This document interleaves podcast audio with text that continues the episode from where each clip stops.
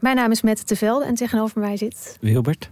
En ik heb vrij veel last gehad van neerslachtigheid, eigenlijk nog steeds wel in het leven. En depressies. En volgens mij gaan we dat proberen op te lossen. We gaan jou redden. En de rest van de mensen. En de toch? rest van de mensen. Ja. Wie redt Wilbert?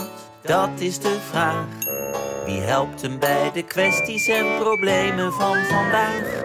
Luister naar Wie redt Wilbert en de rest van de mensheid. Een podcast van de VPRO voor NPO Luister. Kijk, de Jordaan. Daar ben ik geboren en getogen. De nieuwe Nederlandse musical Onze Jordaan van Diederik Ebbingen is dit najaar in de theaters te zien. Koop nu uw kaarten op onzejordaan.nl. Leuk toch? Hallo, vanaf de redactie van Nieuwsuur deze week. En deze keer niet vanaf de Groene Amsterdammer, uw wekelijkse podcast. En waarom we hier zitten, hoort u zo meteen. Ik ben Kees van der Bos.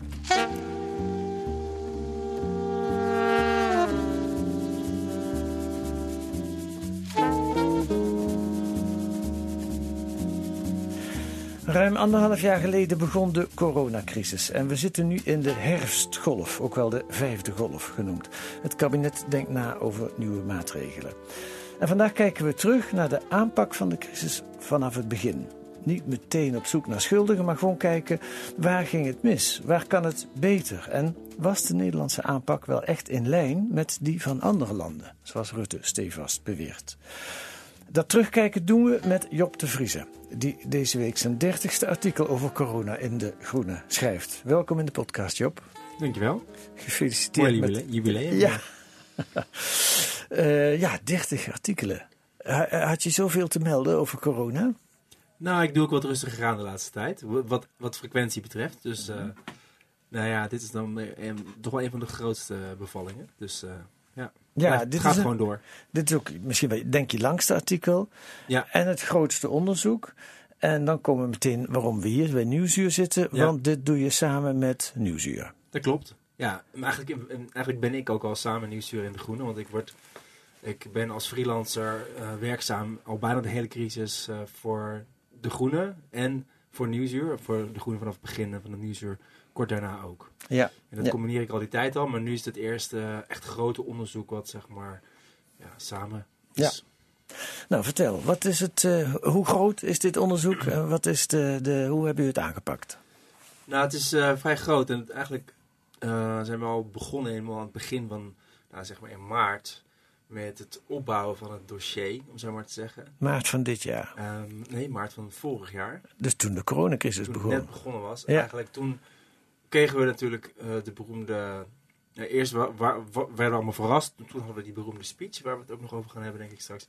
En toen was er al eh, bij mijzelf ook al de vraag van... Hé, maar is dit nou wel... Hè, hij, hij schetste die drie scenario's. Hè? Ja. Dus het, zeg maar, het, het eh, laat maar rondgaan.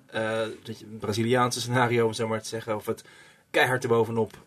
de Chinese stijl. De, oftewel een soort oneindige lockdown. En wij deden maximaal controleren. Dat was een soort redelijke middenweg. Ja. Waarbij eh, nou ja, soort, eh, het virus gecontroleerd liet rondgaan onder de gezonde bevolking, werd toen zo gezegd. Ja. En waardoor je er eh, niet alleen een balans zocht en eh, de zorg probeerde niet te overbelasten, maar ook eh, eruit zou zijn met behulp van het beroemde woord groepsimmuniteit. Ja, daar komen we zo nog Ja. uitgebreid op terug. Ja. En eh, waar ze op ehm, stuurden was eigenlijk het aantal ziekenhuisopnames. Hè? Die moest niet Ja, overbelast dat, raken. dat, dat was al heel snel, werd dat eh, ehm, gezegd. Eerst werd niet gezegd, dat we sturen erop, maar er werd gezegd, eh, dat, ja, we willen wel groepsimmuniteit, maar het moet niet ten koste gaan van eh, dat iedereen tegelijkertijd ziek wordt en we het niet, niet meer aankunnen. En dan Ja. gaan er veel meer mensen dood omdat ze geen behandeling kunnen krijgen. Wacht even, Ja. want ik wil zo met je op Ja, de we, gaan, eh, maar we, laten we gingen eerst nog even vertellen waar we het over hadden. De Eh, vorm eh, van zijn onderzoek. En, en hoe pak je dat aan? Want het, lijkt, me, het lijkt me een, zee van documenten waar je in eh, verdwaald raakt. Ja, nou ja, we, we begonnen dus toen met, met, eh, met het opbouwen van het dossier. Verschillende mensen ook al gesproken in die tijd. Van nou, hoe zit het nou? Of eh, wat, is wat voor keuzes zijn hier gemaakt? Wat zijn er misschien, wat, wat er in andere landen gedaan? Maar vervolgens, nou ja, gebeurde er van alles en nog wat. En waren we met eh, andere onderwerpen, corona-onderwerpen bezig.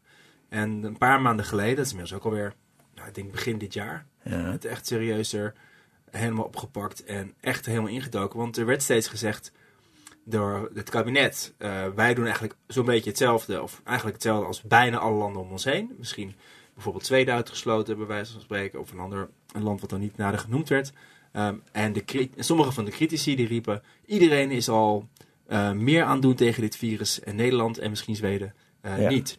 Maar hoe, ga je, hoe zijn jullie daarna gaan kijken? Ja, en toen, maar- en toen dachten wij, ja, maar is het wel zo? Als je dat wil weten, dan moet je het ook echt goed gaan uitzoeken. Dus echt goed gaan vergelijken. Dus toen zijn we, om te beginnen in al die persconferenties, eh, beleidsdocumenten, strategische documenten, adviezen van al die eh, verschillende landen om ons heen. In totaal acht landen, inclusief Nederland, eh, bekeken. Acht Europese landen? Euro- Noordwest-Europese landen, dat je Ja. de landen waar Nederland zich graag mee vergelijkt. Ja. En ehm, dat hebben we helemaal in kaart gebracht. En- Dus zowel maar- wat betreft wat ze deden als wat betreft de adviezen. En, en wat betreft de gevolgen neem ik aan ook. Ja, en ook dat naast de cijfers te leggen. Ja. Dus Ja. eh, wanneer eh, kwam bij hen de tweede golf op? Eh, ehm, deden ze toen al iets of niet? Hadden ze toen eigenlijk hun testcapaciteit al meer opgeschaald? Deden ze al serieuzer bronnen- en contactonderzoek en al dat, dat soort dingen samen, Ja. zeg maar. En dan neem ik aan, stel ik me zo voor, dan maak je per land een tijdlijn. Ja, we hebben sowieso een hele lange tijdlijn gemaakt waar alles per datum zo'n beetje in stond. Ja. Dus toen kondigde die dat daar aan en toen gebeurde dit daar. Ehm, en eh, vervolgens echt in, eh, in Excel sheets, eh, tijdlijnen waarin alle landen ja, stonden ge- ge- weergegeven, zeg maar. En dan een kruisje bij van toen deden ze dit, toen deden ze dat. En ehm, ja, zo, om het zo echt zo minutieus mogelijk in kaart te kunnen brengen. Ja. Want anders blijf je weer net zoals al die anderen een soort van, ja, een beetje vaag. Van ja, zij deden dit, zij deden dat, terwijl je het eigenlijk ook niet goed kunt eh, Ja. onderbouwen. Nou, nou weet ik van onderzoeksjournalistieke projecten dat ze vaak groot worden. En dat je dan zo'n moment hebt dat je volledig verdwaalt in eh, alle gegevens die je verzameld hebt. Nou, dit is wel heel groot. Want je bent Mhm. dus in al die landen, ook die documenten en die persconferenties en die adviezen van die... Je hebt die specialisten in die landen gesproken. Ja. Eh, hoe vaak heb jij wanhopig s s'nachts in je bedje gelegen dat je dacht, dit gaat nooit iets worden? Nou, dat viel wel mee. Het is wel dat je, eh, het is voornamelijk dat je op een gegeven moment merkt, kijk, je hebt dat, dat, beginbeeld schetste ik net, hè. Zij zeggen alles is hetzelfde, tegenstanders zeggen al, allemaal deden ze, de- bijna allemaal deden ze het, hetzelfde behalve Nederland. En dan, als je gaat, erin gaat duiken, dan zie je steeds weer verschillen ontstaan. En dan zie je ze toch weer niet. En dan zie je ze toch weer wel. En dan zie je ze toch weer niet. Het is allemaal zoveel kleuren grijs. Mhm. Want het is niet zo dat al die landen allemaal eh, China nadeden. Dat zal trouwens niemand beweren. Maar ook niet dat ze keihard het virus aan het indammen waren, zoals wordt genoemd. Dat verschilde ook enorm. En ook in de retoriek. We kwamen er ook bijvoorbeeld achter dat landen, ook zoals Denemarken, wat nu een beetje als gidsland wordt gezien. En die het goed gedaan hebben. Ook de adviseurs daar ook heel lang nog hoopten op groepsimmuniteit. En Ja. dachten dat het de enige uitweg was. Ja. En dan zie je dus, constant ga je heen en weer tussen... Zien we nou wel of geen verschil? Is nou, en, en dus constant ben je advocaat van de duivel aan het spelen. Dus Ja. waren niet zozeer de weg kwijt of dat we echt ten onder gingen aan alle documenten, maar dat je de tijd jezelf gek zit te maken van eh, zien we nu goed wat we zien. Ja. Maar dat moet je ook wel doen, want ja, je wil gewoon een degelijk verhaal kunnen vertellen en Ja. niet de makkelijke weg kiezen eh, om Nederland of weg te zetten of het recht te praten. En dat verhaal wordt vanavond en morgenavond en overmorgen geloof ik in Nieuwsuur verteld. En dat staat deze week in een lang artikel van jouw hand in De Groene. Ja. Wil ik nog één ding over het onderzoek weten. Er is een hoop gedonder geweest over WOP-verzoek van Nieuwsuur. Jullie wilden, ik neem aan dat jij daarbij betrokken was, eh, eh, de overheidsdocumenten die niet openbaar waren krijgen. Ja, En die kreeg je niet, hè? Ja dat is een eh, iets breder, eh, bredere kwestie. Eh, ik, ben er niet helemaal, helemaal persoonlijk bij betrokken geweest bij deze hele kwestie. Wel dat, het, dat onder andere aanvragen die wij gedaan hebben daar, daarbij betrokken waren. Mhm. Eh, dat loopt via, bij VWS. En VWS, het uh, Volksgezondheidsministerie, die zeggen eigenlijk: Nou, we gaan niet WOP-verzoeken apart behandelen. We, we, gooien af en toe iets over de schutting, om zeg maar on, oneerbiedig te zeggen, als het ons uitkomt. En dan krijgt iedereen het. Dat ja. is sowieso trouwens bij WOP-verzoeken zo, dat iedereen het in principe krijgt. Maar um, ja, dus daar hadden wij ook mee te maken. Maar betekent dat heb je wel toegang gekregen tot de documenten die je wilde hebben? Of mis je Nou, we hebben een heleboel uh, verzoeken gedaan, maar we hebben er ook omheen gewerkt. Dus we kregen ook recent nog een WOP van financiën. Ja. Wat ook wel heel interessante informatie oplevert. Dat allerlei notities voor bijeenkomsten. Uh, en er zijn, alle, er zijn onder andere notitie, of, uh, stukken van het interdepartementaal uh, afstemmingsoverleg. waar heel veel interessante dingen in stonden waar we veel uit hebben gebruikt. Ja, die zijn openbaar Ehm, of die heb je op een andere manier? Ook via de WOP. Oké. Eh, en eh, recent hebben we ook, die hadden we ook, hadden we ook opgevraagd, eh, nog mailwisselingen eh, tussen ministers en hoogambtenaren rondom die speech, die beroemde speech van 15, of 16 maart. Goed. En dat is, eh, ja, dat was ook eh, zeer, inzicht, zeer inzichtelijk. Dus we hebben best wel wat. eh, en heel veel dingen staan nog open. Want eh, inderdaad is nu dan, de rechter heeft gezegd dat eh, aan het eind van deze maand, geloof ik, of eind van november, moeten eh, al, al die verzoeken zijn ingewilligd. Nou, kan hij wel een heel eh, leger juristen extra gaan inleggen. Ja, ja. Goed. ehm, een groot onderzoek. En, en dat heb jij samen gedaan met eh, Milena Holdert van eh Nieuwsuur. Ja. eh, eh, onder de paraplu van Nieuwsuur en Ja. Rode. Ja. Laten we naar de uitkomsten gaan. Wat is er uitgekomen? En dan wil ik inderdaad beginnen met die beroemde eerste speech van Mark Rutte. 16 maart was dat. Eh, en toen was het eh, eh, heel duidelijk. Wat, het was een nieuw woord werd er ingevoerd. Het woord groepsimmuniteit. Rutte besefte dat ook, dus die gaat ons dat rustig uitleggen. De setting is nog, dit was geen persconferentie zoals we die later kenden. Dit was een minister-president achter een bureau. Ik geloof dat Torbeck op de foto nog zichtbaar was. Hier sprak een regeringsleider. De realiteit is dat het coronavirus onder ons is en voorlopig ook onder ons zal blijven. Er is geen eenvoudige of snelle uitweg uit deze zeer moeilijke situatie. De realiteit is ook dat de komende tijd een groot deel van de Nederlandse bevolking met het virus besmet zal raken. Dat is wat de deskundigen ons nu vertellen. En wat ze ons ook zeggen, is dat we in afwachting van een vaccin of medicijn de verspreiding van het virus kunnen afremmen en tegelijkertijd gecontroleerd groepsimmuniteit op kunnen bouwen. Dat moet ik uitleggen. Wie het virus heeft gehad, is daarna meestal immuun. Net als vroeger met de mazelen. Hoe groter de groep die immuun is, hoe kleiner de kans voor het virus om over te springen op kwetsbare ouderen en mensen met een zwakke gezondheid. Met groepsimmuniteit bouw je als het ware een beschermende muur om hen heen. Dat is het principe. Maar we moeten ons wel realiseren dat het maanden of zelfs langer kan duren om groepsimmuniteit op te bouwen. En in die tijd moeten we mensen die een groter risico lopen zoveel mogelijk afschermen. Eh, nou ja, dit was dus de eerste toespraak. En het is duidelijk, eh dit is geen kleinigheidje. Groepsimmuniteit is een belangrijk begrip. En Rutte neemt er de tijd voor om ons dat uit te leggen. Zo werkt het eigenlijk. Zo hou je een virus eh, in toom. Ja, of krijg je het in toom eigenlijk? hè? Ja, want het was nog niet in het verhaal toen. Ja, net als de mazelen. Hij maakt die vergelijking. eh, als je de mazelen, nou ja, dat doet je op een andere manier. Als je de mazelen hebt gehad, dan ben je ook daarna immuun. Ja. Maar verder, we- eh, vergeet de mazelen. Dit is een belangrijke toespraak, Job. Ja, zeker. Waarom? Nou, het was de eerste toespraak in, in decennia de- rechtstreeks aan het volk.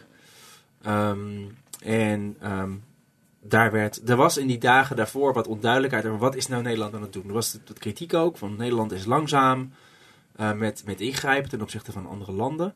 Dat laten we ook in, eh, het onderzoek wel zien, dat klopt ook, dat was ook wel zo. Ehm, en, ehm, nou, er moest duidelijkheid komen. Er was toen wel de dag daarvoor ingegrepen. Eh, de, de, de horeca was dicht. Onder druk van de maatschappij waren de scholen ook dicht gegaan. Dat had de, hadden de experts niet geadviseerd. Ehm, en eh, de winkels waren wel open gebleven en we deden niet zoveel als andere landen. Dus, nou, en toen kwam deze speech. En daarin werd uit de doeken gedaan wat, de, nou juist, wat nou de gedachte achter die, die aanpak was. Er werd ook allerlei dingen gezegd over we moeten het samen doen en zo. Maar dit was wel wat naar boven kwam. Ja. En het werd wel gezien als de groepsimmuniteitsspeech. Daar is Rutte dan later ook weer. eh, dat heeft hij eh, nou ja, ontkend dat het dan de speech over groepsimmuniteit was. Maar, dus dat was een belangrijke speech, omdat het gewoon eigenlijk de gedachte liet. En dat hij daar ook uitgebreid op inging, liet wel zien dat het ook echt het idee was. Ja, dat was de visie. En die, het idee was dan ook ten opzichte van wat andere landen deden. Dat werd ook een beetje zo weggezet. En dat, er waren ook die drie scenario's waar ik net al even aan refereerde. Sommige landen die, die willen het virus plat slaan. Maar als je dat doet, dan komt het weer terug. eh, want je kunt het niet eindeloos volhouden om Ja. alles dicht te houden. Ja. En als je het helemaal rond laat gaan, heel snel rond laat gaan. eh, zoals eh, op een gegeven moment genoemd werd in Groot-Brittannië, take it on the chin. Ehm, wat daar ook niet, uiteindelijk ook niet gebeurd is. Maar dan, ja, dan, eh, dan is het niet te overzien. Ja. Maar ehm, dit klonk dan allemaal heel redelijk. Heel, dus iedereen die zich nog niet in verdiept had, die was eigenlijk heel lovend. Zowel over de toon Ja. als over, nou, dit klinkt heel redelijk. En Ja. wauw, wat verstandig en goed. Terwijl mensen die zich er al in verdiept hadden, waaronder ik zelf, dachten van, oké, maar dit is best wel... eh, dit, dit loopt best wel in de papieren, om zo maar te zeggen. Dit Ja. is niet zomaar wat. En het is best wel een heftig idee dat Ja. Die misschien dan denkt dat hij niet kwetsbaar is, eh, geacht wordt het op te lopen. Ja, nou laten we nog even scherp neerzetten, want je hebt het eigenlijk al gezegd, maar de, de tegenstelling van het eh, maken van groepsimmuniteit is, ik zeg maar even de Chinese weg, een hele strenge lockdown. In China was geen sprake van groepsimmuniteit volgens mij. Eh, nee, nou de grap is dat er eigenlijk ook wel experts waren die dachten dat in China al zo snel groepsimmuniteit was ontstaan dat het daarom al laag ging. Mhm. Er was nog wat discussie over, maar er was inmiddels wel duidelijk van niet. Mhm. Ehm, eh, en nou ja, de- de- die tegenstelling die je nu hier neerzet, dat is ook precies wat Nederland heeft geprobeerd te doen. Dat zie je ook uit die e-mails. Dat, dat scenario van het virus echt omlaag doen, dat moest vooral draconisch en zinloos lijken. ja. Eh, en er, was geen, er werd geen manier geschetst waarop dat op een redelijke manier kon. Ja. Dat die manieren er wel waren, en ook al door de WHO werden gepropageerd. Namelijk, breng het eerst omlaag als je te laat bent. Want we, hebben, we hadden niet genoeg contactonderzoekers, niet genoeg testen. Eh, schaal die testcapaciteit op en ga dan proberen op die manier dat virus, op de ouderwetse manier zeg maar, met zo snel mogelijk vinden, snel mogelijk die mensen in isolatie plaatsen. Eh, ga het dan zo bestrijden. En of in welke mate je dan het echt op nul weet te houden, dat, dat hangt er weer van de omstandigheden af. Maar je kunt het in elk geval. Het werd in elk geval aangeraden om dat te doen, maar dat werd, werd niet genoemd. Nee. Dus dat werd eigenlijk, dat werd eigenlijk gewoon als. eh, nou, dat, en dat kwam rechtstreeks uit de koker van, van Jaap van Dissel, dit, die drie scenario's. Ja. Ehm, dus het is niet zo dat, dat zij dat allemaal maar brachten en dat vervolgens het kabinet dit koos. Eh, en, en, en ook ervoor koos om die andere opties weg te laten. Dit was gewoon het denken in Nederland. En dat, en dat zagen we ook wel dat we ook het denken in de grote delen van Europa. Eh, dat waren eigenlijk de, de griepplannen eigenlijk die we hadden. En dit was eigenlijk, zeg jij, algemeen Europees. Er waren geen landen in Europa die hiervan afweken. Eh, helemaal aan het begin dacht iedereen zo. De ECDC, dus het Europese RIVM, die adviseerde eigenlijk ook zo'n aanpak van nou, geleidelijk aan eh, proberen het uit te spreiden. eh, door wanneer het echt de spuigaten uitloopt, dan doe je bijvoorbeeld de scholen dicht. Tijdelijk, niet te lang. Wat op zich natuurlijk ook best redelijk is, hè, want je wil scholen niet te lang dicht houden. Maar eh, niet, niet te draconisch, want dan schiet je niet op, we Nee. zeggen. Dus dan, er zit een impliciete gedachte in aan groepsimmuniteit. Ja. Want anders, zonder immuniteit kom je er niet uit. Dat weet Nee. iedereen eh, inmiddels. En we wisten toen nog niet hoe lang het zou duren voordat er een vaccin zou zijn, want dat Ja. is een beetje de andere Dus, weg. dus al die landen die deden dat in feite wel. Maar, maar een paar landen werd ook expliciet gerefereerd aan, die, aan dat opbouwen van die groepsimmuniteit. En dat je dat ook echt actief zou moeten nastreven. En dat was Nederland, Ja. dat was Groot-Brittannië en dat was Zweden.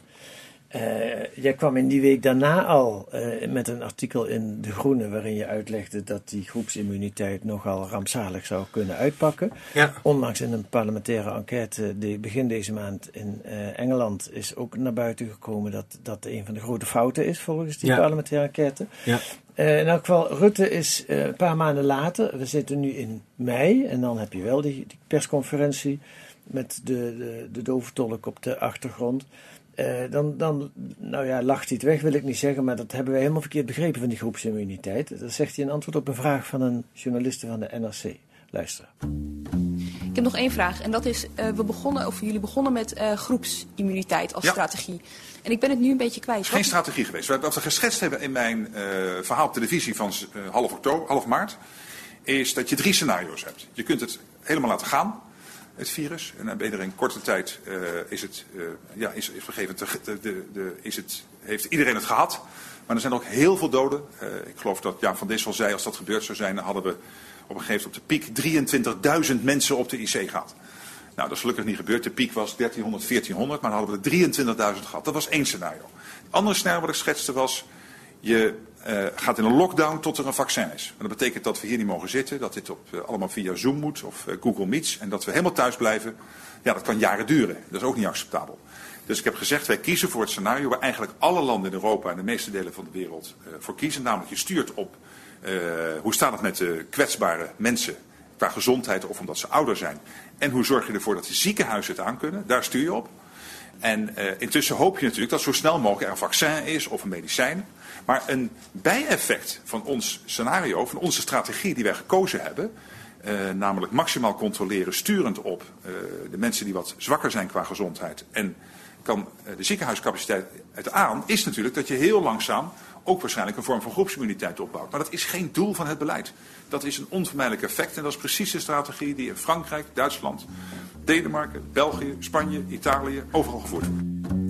Het wordt zo uh, normaal mogelijk gemaakt. Alle landen doen het, maar ineens is dat belangrijke uh, begrip groepsimmuniteit is gewoon een bijeffect. Ja, er spelen hier een paar dingen door elkaar heen. Uh, allereerst was er die speech, toen was er kritiek. En toen merkte ze, oh, maar als we dit zo benoemen, oeh, dat ligt echt slecht. Er was niet alleen kritiek in Nederland, bij de pers, bij journalisten maar, en andere experts, maar ook bijvoorbeeld de WHO had zich erover uitgesproken. Het streven naar groepsimmuniteit is gewoon gevaarlijk, want je weet niet genoeg van het virus. Je weet niet of het de immuniteit aanhoudt. Dus dan ben je weer terug bij af. Heb je al die mensen dus eigenlijk voor niks ziek gemaakt laten worden. Niet gemaakt, maar laten worden. Um, en er was ook een soort morele verontwaardiging bij veel mensen die zeiden van ja, maar ik moet dus dat virus oplopen van jullie. Je moet me toch beschermen. Dus dat, toen werd het al omstreden. Ja. Toen werd er al meteen gezegd: nee, maar het is, het is, het is geen doel. Terwijl het, als je naar de stukken kijkt, doel, snelst mogelijke uh, kudde of groepsimmuniteit. Dus Ja. het heeft gewoon in de stukken gestaan. Kudde-immuniteit. Dus er is geen twijfel over dat het daar gewoon in stond. Ja. Alleen, je kunt het ook anders uitleggen. En je doel is natuurlijk uit die pandemie komen. Ja. Dan is niet je doel groepsimmuniteit. Je doel is, en dan is het een soort middel, maar ze zeggen geen middel. Nee, het is een effect. Het is een effect van, en maar wanneer is het een effect? Het is een effect van een beleid wat minder hard duwt. Dan wanneer, eh, als je dus bijvoorbeeld een land als eh, eh, Noorwegen, wat dan eh, dat meer heeft gedaan. Die hebben veel minder immuniteit opgebouwd voordat de vaccins er waren. Dus dat klopt, het is een effect. Maar het is allemaal semantiek. Ehm, maar wat je ook op een gegeven moment kreeg, eh, dat ze erachter, ze hadden eigenlijk in die beginfase nog de hoop dat het eigenlijk al best snel was gegaan. Je hebt, ze spreken steeds over zo'n piramide, of eigenlijk een ijs, ijsberg, een topje van de ijsberg, dat zie je. Dat zijn de mensen die in ziekenhuizen liggen en die, die getest zijn. En daaronder zijn een heleboel mensen die niet echt ziek zijn geweest. En ze hoopten eigenlijk dat het er een heleboel waren die bijna geen klachten hadden gehad of een heel klein beetje niet eens echt hadden gemerkt. En als die allemaal al immuun waren, nou, dan was je al opgeschoten. Ja. Uh, dat viel wel tegen, want toen eind april werd gekeken naar hoeveel mensen hebben nou tijdens het belangrijkste deel van die eerste golf het gehad. Dat was maar een paar procent. Bij bij bloeddonors hebben ze toen onderzocht. Toen bloeddonoren en uh, Ja. RIVM had ook zijn onderzoek, toen kwam iets Ja. later. Ja. En ook in Brabant bleek uit het RIVM-onderzoek, daar was het ook maar iets van 10% in die dorpen die hartstikke zwaar getroffen waren. Dus Ja. dat schoot niet op. Dacht, ja, dat keer 10, dat moeten we. Dus dat duurt nog heel lang. Uh, dus toen zeiden ze vergezicht, maar het was noodgedwongen een vergezicht. Ja. En wat is er nou mis mee, of is er iets mis mee met deze formulering, of met deze keuze voor die groepsimmuniteit? Mm, nou ja, het is een keuze. Ehm, daar kun je discussie over voeren. Maar ze hebben vooral niet achter die keuze durven blijven staan. eh, toen er kritiek op kwam. En ik, ik zou zelf zeggen vanuit eh infectieziektebestrijding. We weten nu, eh, eigenlijk wisten we dat toen al, dat je niet hoeft op te bouwen. En dat een vaccin best wel een reëel perspectief was. Dus dan kun je onderweg een beetje opbouwen. Maar wat win je, er, dat win je erbij? Ja. Ik zou zeggen, doe dan iets meer om het laag te houden. Want je hebt veel meer kans dat je het virus onder controle weet te houden. En dat hebben ze nooit serieus overwogen. Ze hebben altijd gedacht, nou maar laat het iets verder oplopen. En dan houden we, als het dan echt te erg wordt, dan, dan moeten we alsnog ingrijpen. Maar dan hebben we in ieder geval onderweg. eh, dat was, dat, zo, daar lijkt het steeds op. En er Ja. is nog steeds discussie. Heeft het nou echt zo expliciet in de achterhoofden gespeeld? Iemand als Diederik Gommers zegt, ja, zo heeft het wel in de achterhoofd, achterhoofden gezeten tot aan de tijd dat de vaccins er waren. Eh, het is niet gedacht dat ze dan- dan doen we dit schuifje omhoog, want dan bouwen we groepsimmuniteit op. Maar er werd wel minder hard ingegrepen als er bijvoorbeeld vooral onder jongeren eh, besmettingen waren. Dan kun je wel zeggen, nou oké, dat is logisch, geef je hen de vrijheid. Maar we wisten ook inmiddels wel dat dat blijft niet bij de jongeren. Dat afschermen, dat is wat de WHO ook zegt en dat weten we inmiddels in Nederland ook heel goed. Zelfs Jaap van Distel heeft het zelf ook nog eens een keer gezegd toen hij kritiek kreeg, juist ook vanuit ehm, eh, eh, onder andere Thierry Baudet juist. Dat afschermen van die ouderen, dat is een illusie gebleken. Ja, ja, dat is ook gebleken, want er zijn ook in de verpleeghuizen In juist... de verpleeghuizen, maar ook daarbuiten. Dus Ja. heel, en heel veel mensen en de, ziek, en de zorg overeind houden, dat, eh, nou ja, daar weten we ook van. Dat Ja. is ook niet echt gelukt. Oké, en wat is nou de kern van jullie eh, bevinding, van jullie onderzoek, van kritiek op deze aanpak?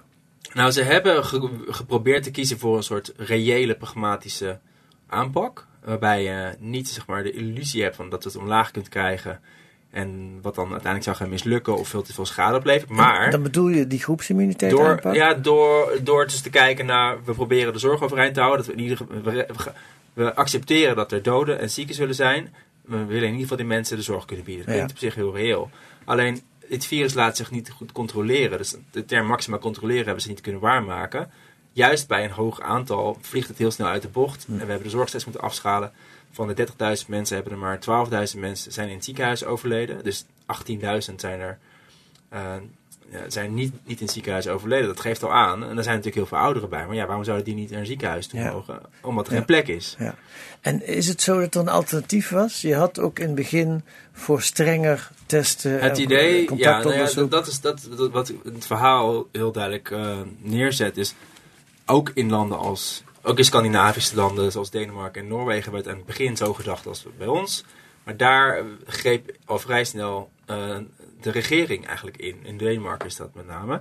De, de, de adviseurs zeiden, nou, we kunnen half april gaan we zo'n beetje eh, echt ingrijpen. Eh, maar de premier die zei op 11 maart, nee, dat gaan we niet doen. Ik wil gewoon voorzorg hanteren, het voorzorgprincipe. En we gaan nu gewoon erop slaan, we maar Ja. zeggen. En niet eens extreem hoor, maar gewoon op tijd. Met een, met een soort van lockdown en daarna nog iets verstrengd. Ehm, en dat bleek zo goed uit te pakken dat ze daarna hebben gedacht... Weet je wat, we pakken door. We gaan nu onze testcapaciteit opschalen. We gaan meer eh, contactonderzoek doen. En het hoeft echt niet op de Chinese manier of op de Singaporese manier met, met allerlei eh, camerabeelden iedereen achterhalen. Maar gewoon eerder ingrijpen, waardoor je het niet steeds te ver laat oplopen.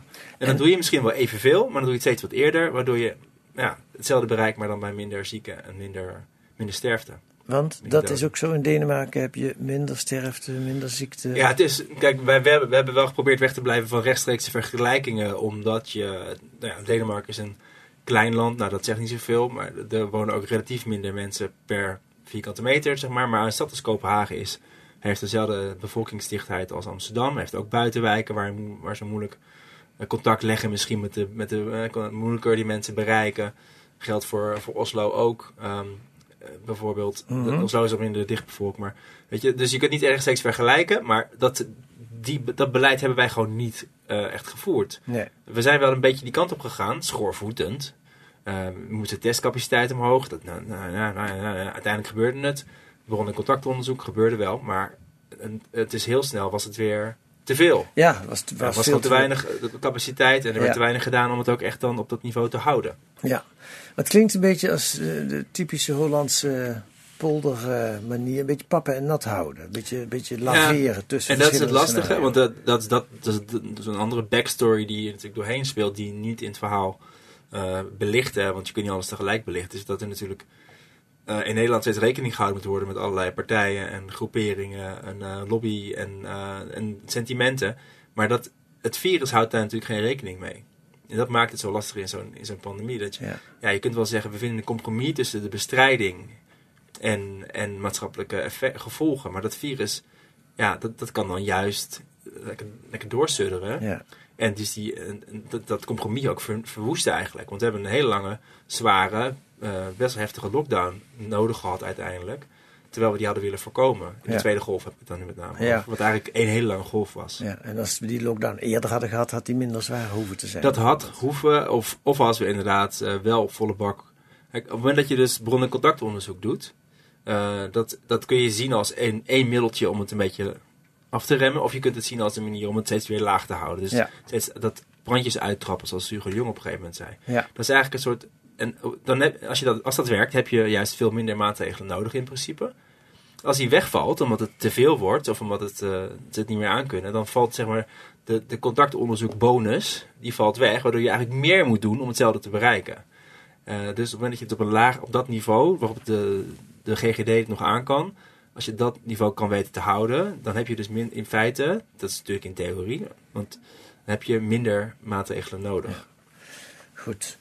Eh, feit is natuurlijk ook dat wij nu achteraf zitten te praten, wat een stuk makkelijker is dan op het moment dat je die besluiten moet nemen als het virus Ja, opkomt. dat klopt. En het is ook wel zo dat. eh, kijk, die adviezen waren er. Dat, dat eerste advies van de WHO was op basis van de missie naar China. Die was eind februari. En er was het advies niet groepsimmuniteit, maar Nee. testen, testen, testen en Ja. onderdrukken. Ja, en toen werd er ook steeds gezegd, ja, maar dat testen dat is voor andere landen. Of dat heeft geen nut in onze fase, want we zijn nu, iedereen zit toch thuis.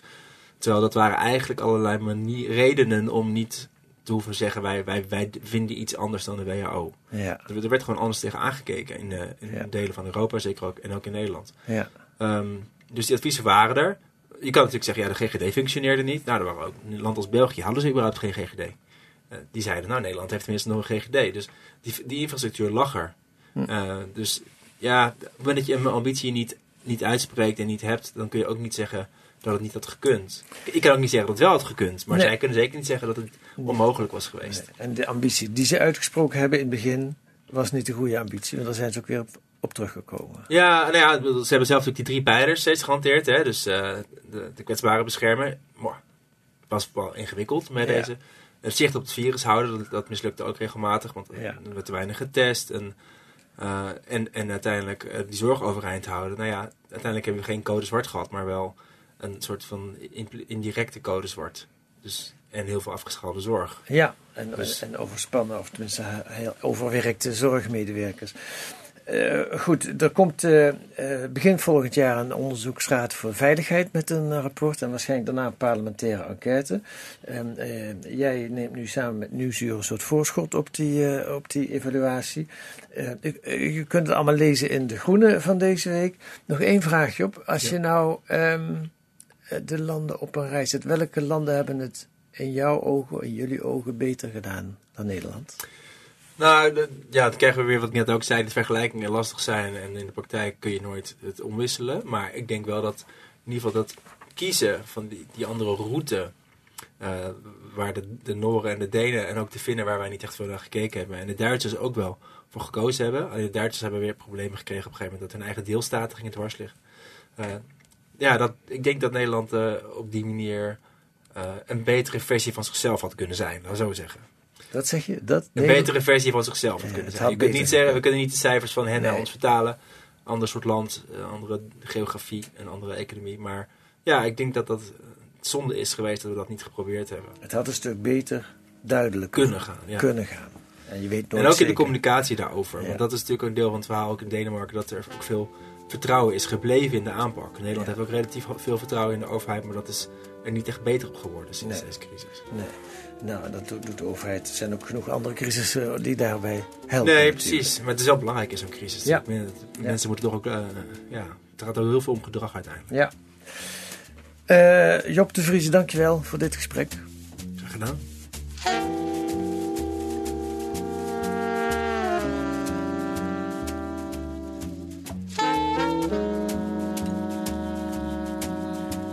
Dat is allemaal te lezen deze week in De Groene. Wat staat er nog meer? Een voorbeschouwing op de klimaattop in Glasgow. En Kopenhagen was een flop, Parijs was een succes, maar wat valt er te leren van die tops uit het verleden? En hoe krijgt het Britse voorzitterschap de wereld op één lijn? Komend weekend, spannend wordt dat. En een onderzoek naar de afbraak van de huurcommissie. Op deze geschillenrechter tussen huurders en verhuurders is zo bezuinigd dat een klacht over een niet gerepareerde lekkage wel twee jaar kan blijven liggen. Nou, dat is voor de gemiddelde kamerbewoner een eeuwigheid. U kunt dat lezen met een abonnement of een proefabonnement. Ga dan naar groene.nl, dan wordt u dat allemaal uitgelegd. U kunt reageren op deze podcast via de mail. Ons adres is podcast.groene.nl. U kunt ons ook sterren geven in uw podcast-app of een korte recensie. Dan stijgen wij op allerlei lijstjes, dus doe dat vooral. En volgende week zijn we er weer met analyses en achtergronden bij het nieuws in deze podcast van de Groene Amsterdammer. Dan waarschijnlijk ook vanaf de redactie van de Groene Amsterdammer. Deze week werd de podcast gemaakt door Paola Leijsen, Rosa Ibema en Kees van der Bos. En de muziek is Tune for N van Paul van Kemenade.